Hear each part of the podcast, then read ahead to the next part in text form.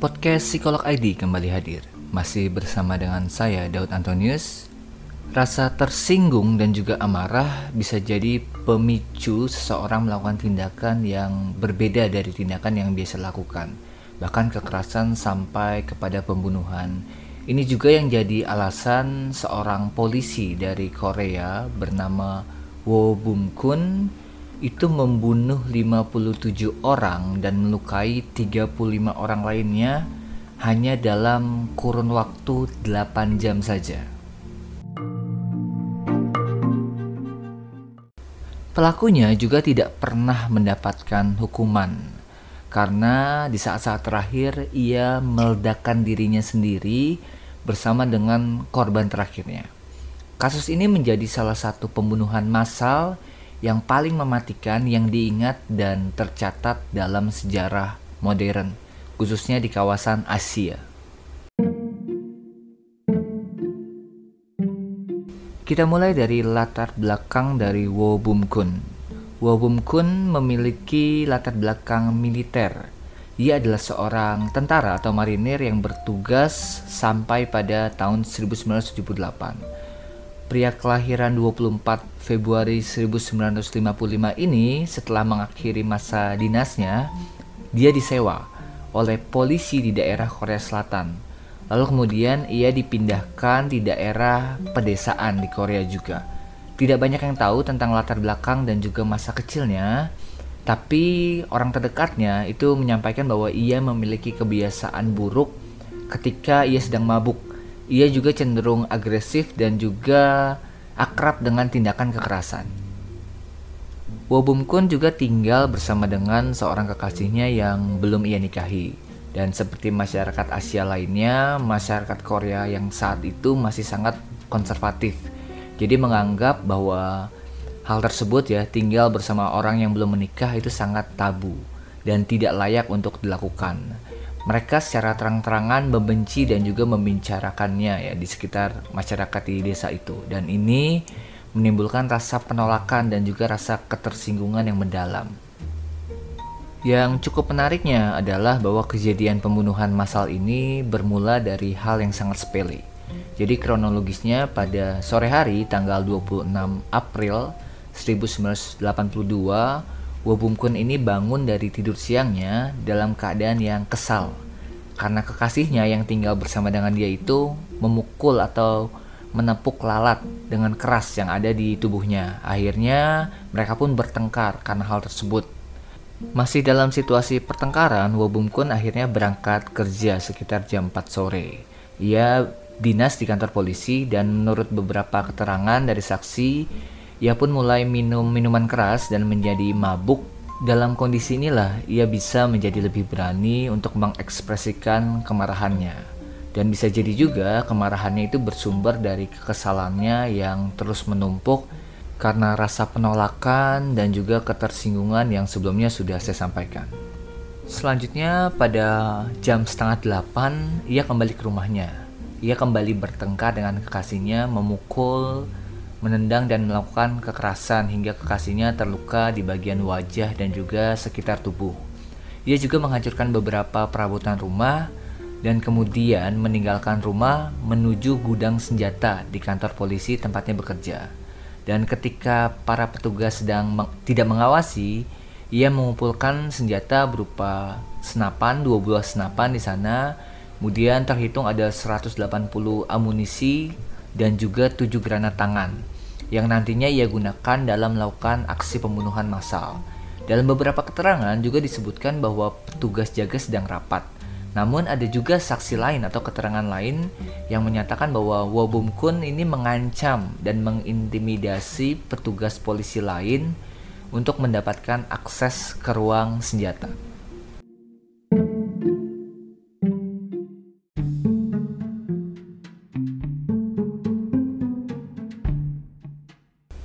Pada jam 9.30 malam di hari yang sama, Wabum Kun mulai melakukan aksi pembunuhannya. Dan pertama ia menuju ke kantor pos setempat. Ia juga membunuh tiga orang yang bertugas di sana. Beberapa di antaranya adalah operator telepon. Ia membunuh mereka agar tidak ada yang melaporkan kejadian tersebut melalui telepon darurat. Selanjutnya, ia juga mulai berjalan dan menembaki para pejalan kaki yang ada di sekitar pasar. Di sana setidaknya ada enam orang korban tewas dan juga beberapa lainnya yang terluka. Bahkan kekasihnya sendiri yang datang untuk mengejarnya juga mendapatkan luka di bagian kaki, luka tembakan.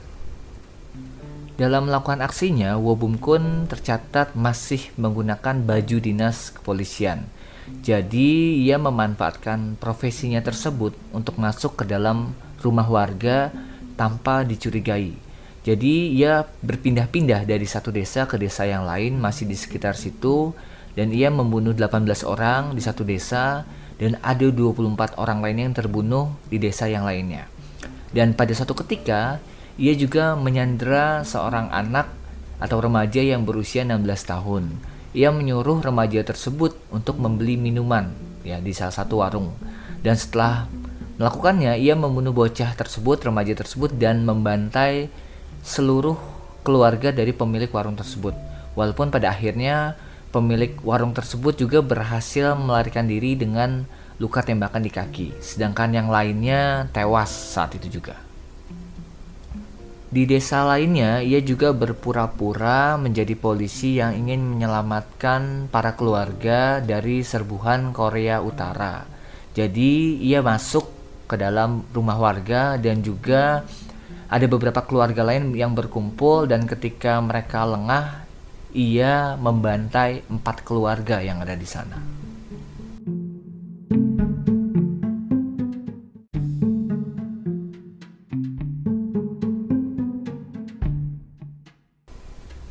Walaupun kepolisian itu mendapatkan informasi dan sudah bersiaga sejak tembakan pertama, butuh waktu yang cukup lama untuk mencari dan menangkap pelaku.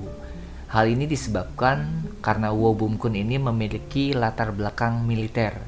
Ia mampu berkamuflase dalam gelap dan juga bisa secara baik memanfaatkan taktik perang Sebanyak 37 orang polisi kemudian ditugaskan untuk memburunya.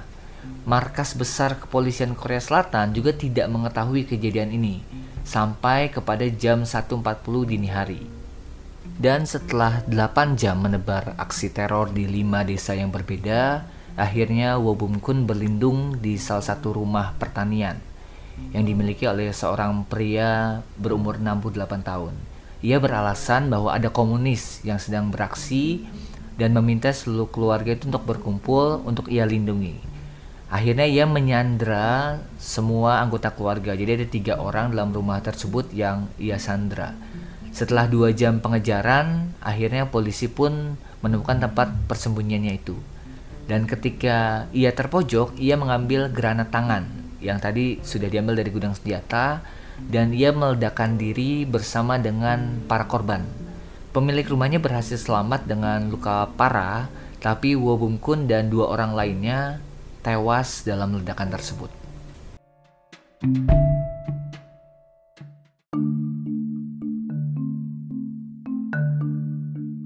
Kasus Wo Bum Kun ini memiliki dampak yang cukup besar di Korea Selatan pada saat itu. Jadi setelah teror pembantaian berakhir, Tercatat ada 57 orang termasuk ia sendiri yang tewas dan ada 35 orang lainnya mengalami luka-luka serius. Kepala polisi setempat diberhentikan dari tugasnya akibat kasus ini. Empat orang petugas kepolisian, rekan kerjanya juga akhirnya ditangkap karena dianggap lalai dalam menjalankan tugas sehingga Wobum Kun bisa mendapatkan akses gudang senjata dan melakukan pembantaian. Menteri Korea Selatan saat itu Menteri Dalam Negerinya dan juga Polisi Nasional menyatakan mengundurkan diri akibat insiden tragis ini. Berikutnya pemerintah pun merespon kejadian ini dengan membentuk tim khusus yang akhirnya menyelidiki latar belakang kasusnya.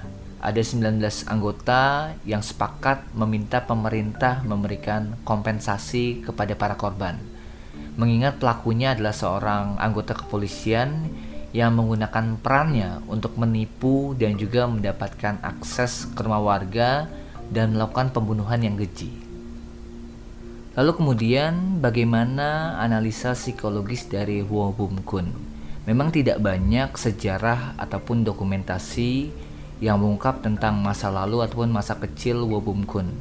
Tapi dari keterangan kekasihnya yang dekat dengan dia dan juga berinteraksi dengannya secara sehari-hari, di situ bisa diteliti bahwa Wo Bum Kun ini memiliki beberapa tanda dari inferiority complex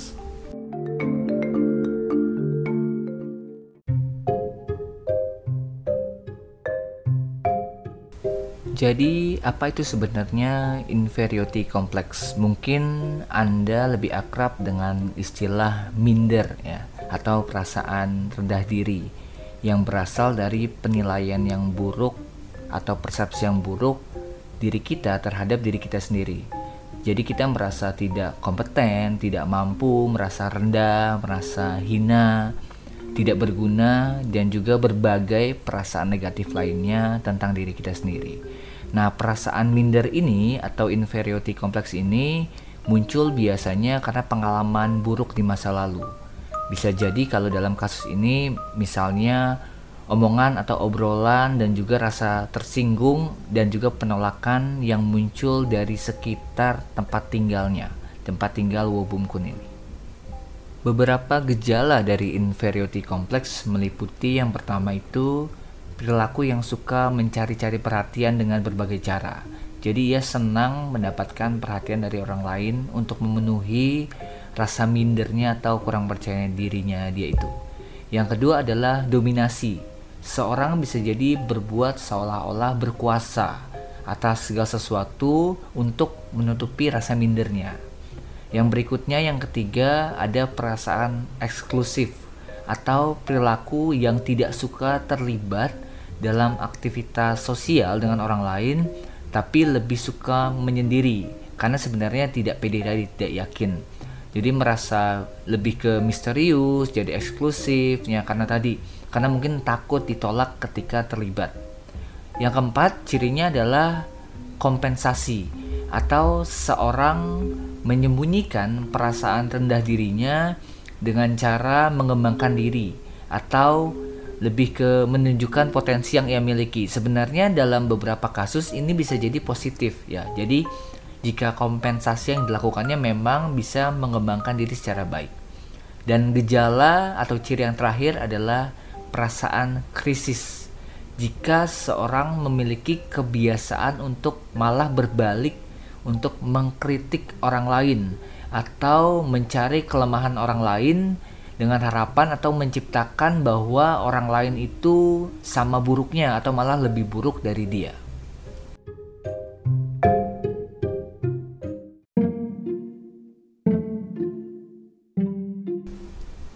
Dan jika tidak diatasi, inferiority complex ini bisa menimbulkan beberapa masalah sosial dari individu terhadap lingkungannya. Salah satunya adalah perilaku kekerasan atau bullying terhadap sekitar, bisa juga perilaku bunuh diri atau kecenderungan untuk mengakhiri hidup dan juga kekerasan seksual yang ia lakukan terhadap orang lain untuk menunjukkan kekuasaannya. Menurut salah satu tokoh psikologi yaitu Alfred Adler dalam salah satu bukunya di tahun 1907 bahwa setiap individu ya Anda dan saya itu memiliki perasaan inferioritas atau rendah diri sejak kita bayi. Jadi kelemahan fisik, kemudian ketergantungan terhadap orang dewasa itu sebenarnya sudah ada dan itu sebenarnya alami. Dan yang terpenting sekarang adalah bagaimana seorang anak bisa mengembangkan perasaannya atau dirinya dengan lebih baik sehingga melepaskan diri dari perasaan inferiority tadi. Jadi tidak tergantung lagi kepada orang dewasa. Menurut Adler, salah satu penyebab dari inferiority complex adalah perlakuan yang ekstrim dari seorang anak. Yang pertama adalah anak yang terlalu dimanjakan atau yang kedua anak yang memiliki penolakan. Nah, ini berpotensi melahirkan perasaan inferiority complex yang besar. Jadi sebagai contoh, Anak yang dimanjakan oleh orang tua ataupun lingkungannya merasa menjadi pusat perhatian dan ia menyadari bahwa semua keinginannya itu bisa dikabulkan oleh lingkungan. Dari kondisi pengasuhan seperti ini membangun sebuah ide dalam dirinya atau belief system bahwa ia adalah orang paling penting ya. Jadi keyakinannya terbangun dan ketika ia masuk ke dalam dunia sekolah atau dunia yang lain yang tidak memberikan apa yang dia inginkan dan bertolak belakang dengan yang ada sebelumnya, ia menjadi minder atau ada perasaan rendah diri yang muncul. Kasus yang kedua, ketika seorang anak dalam perkembangannya itu menghadapi pengalaman tertolak, ia menjadi merasa dapat perlakuan yang berbeda ketika ada di lingkungan sosial juga merasa tidak diinginkan, kekurangan cinta dan kasih sayang, dan juga seperti tidak nyaman dengan lingkungan yang baru, ada perasaan tidak berharga dan marah terhadap apa yang terjadi di masa lalunya. Ini berpotensi pribadi anak tersebut juga mengalami perasaan rendah diri yang besar.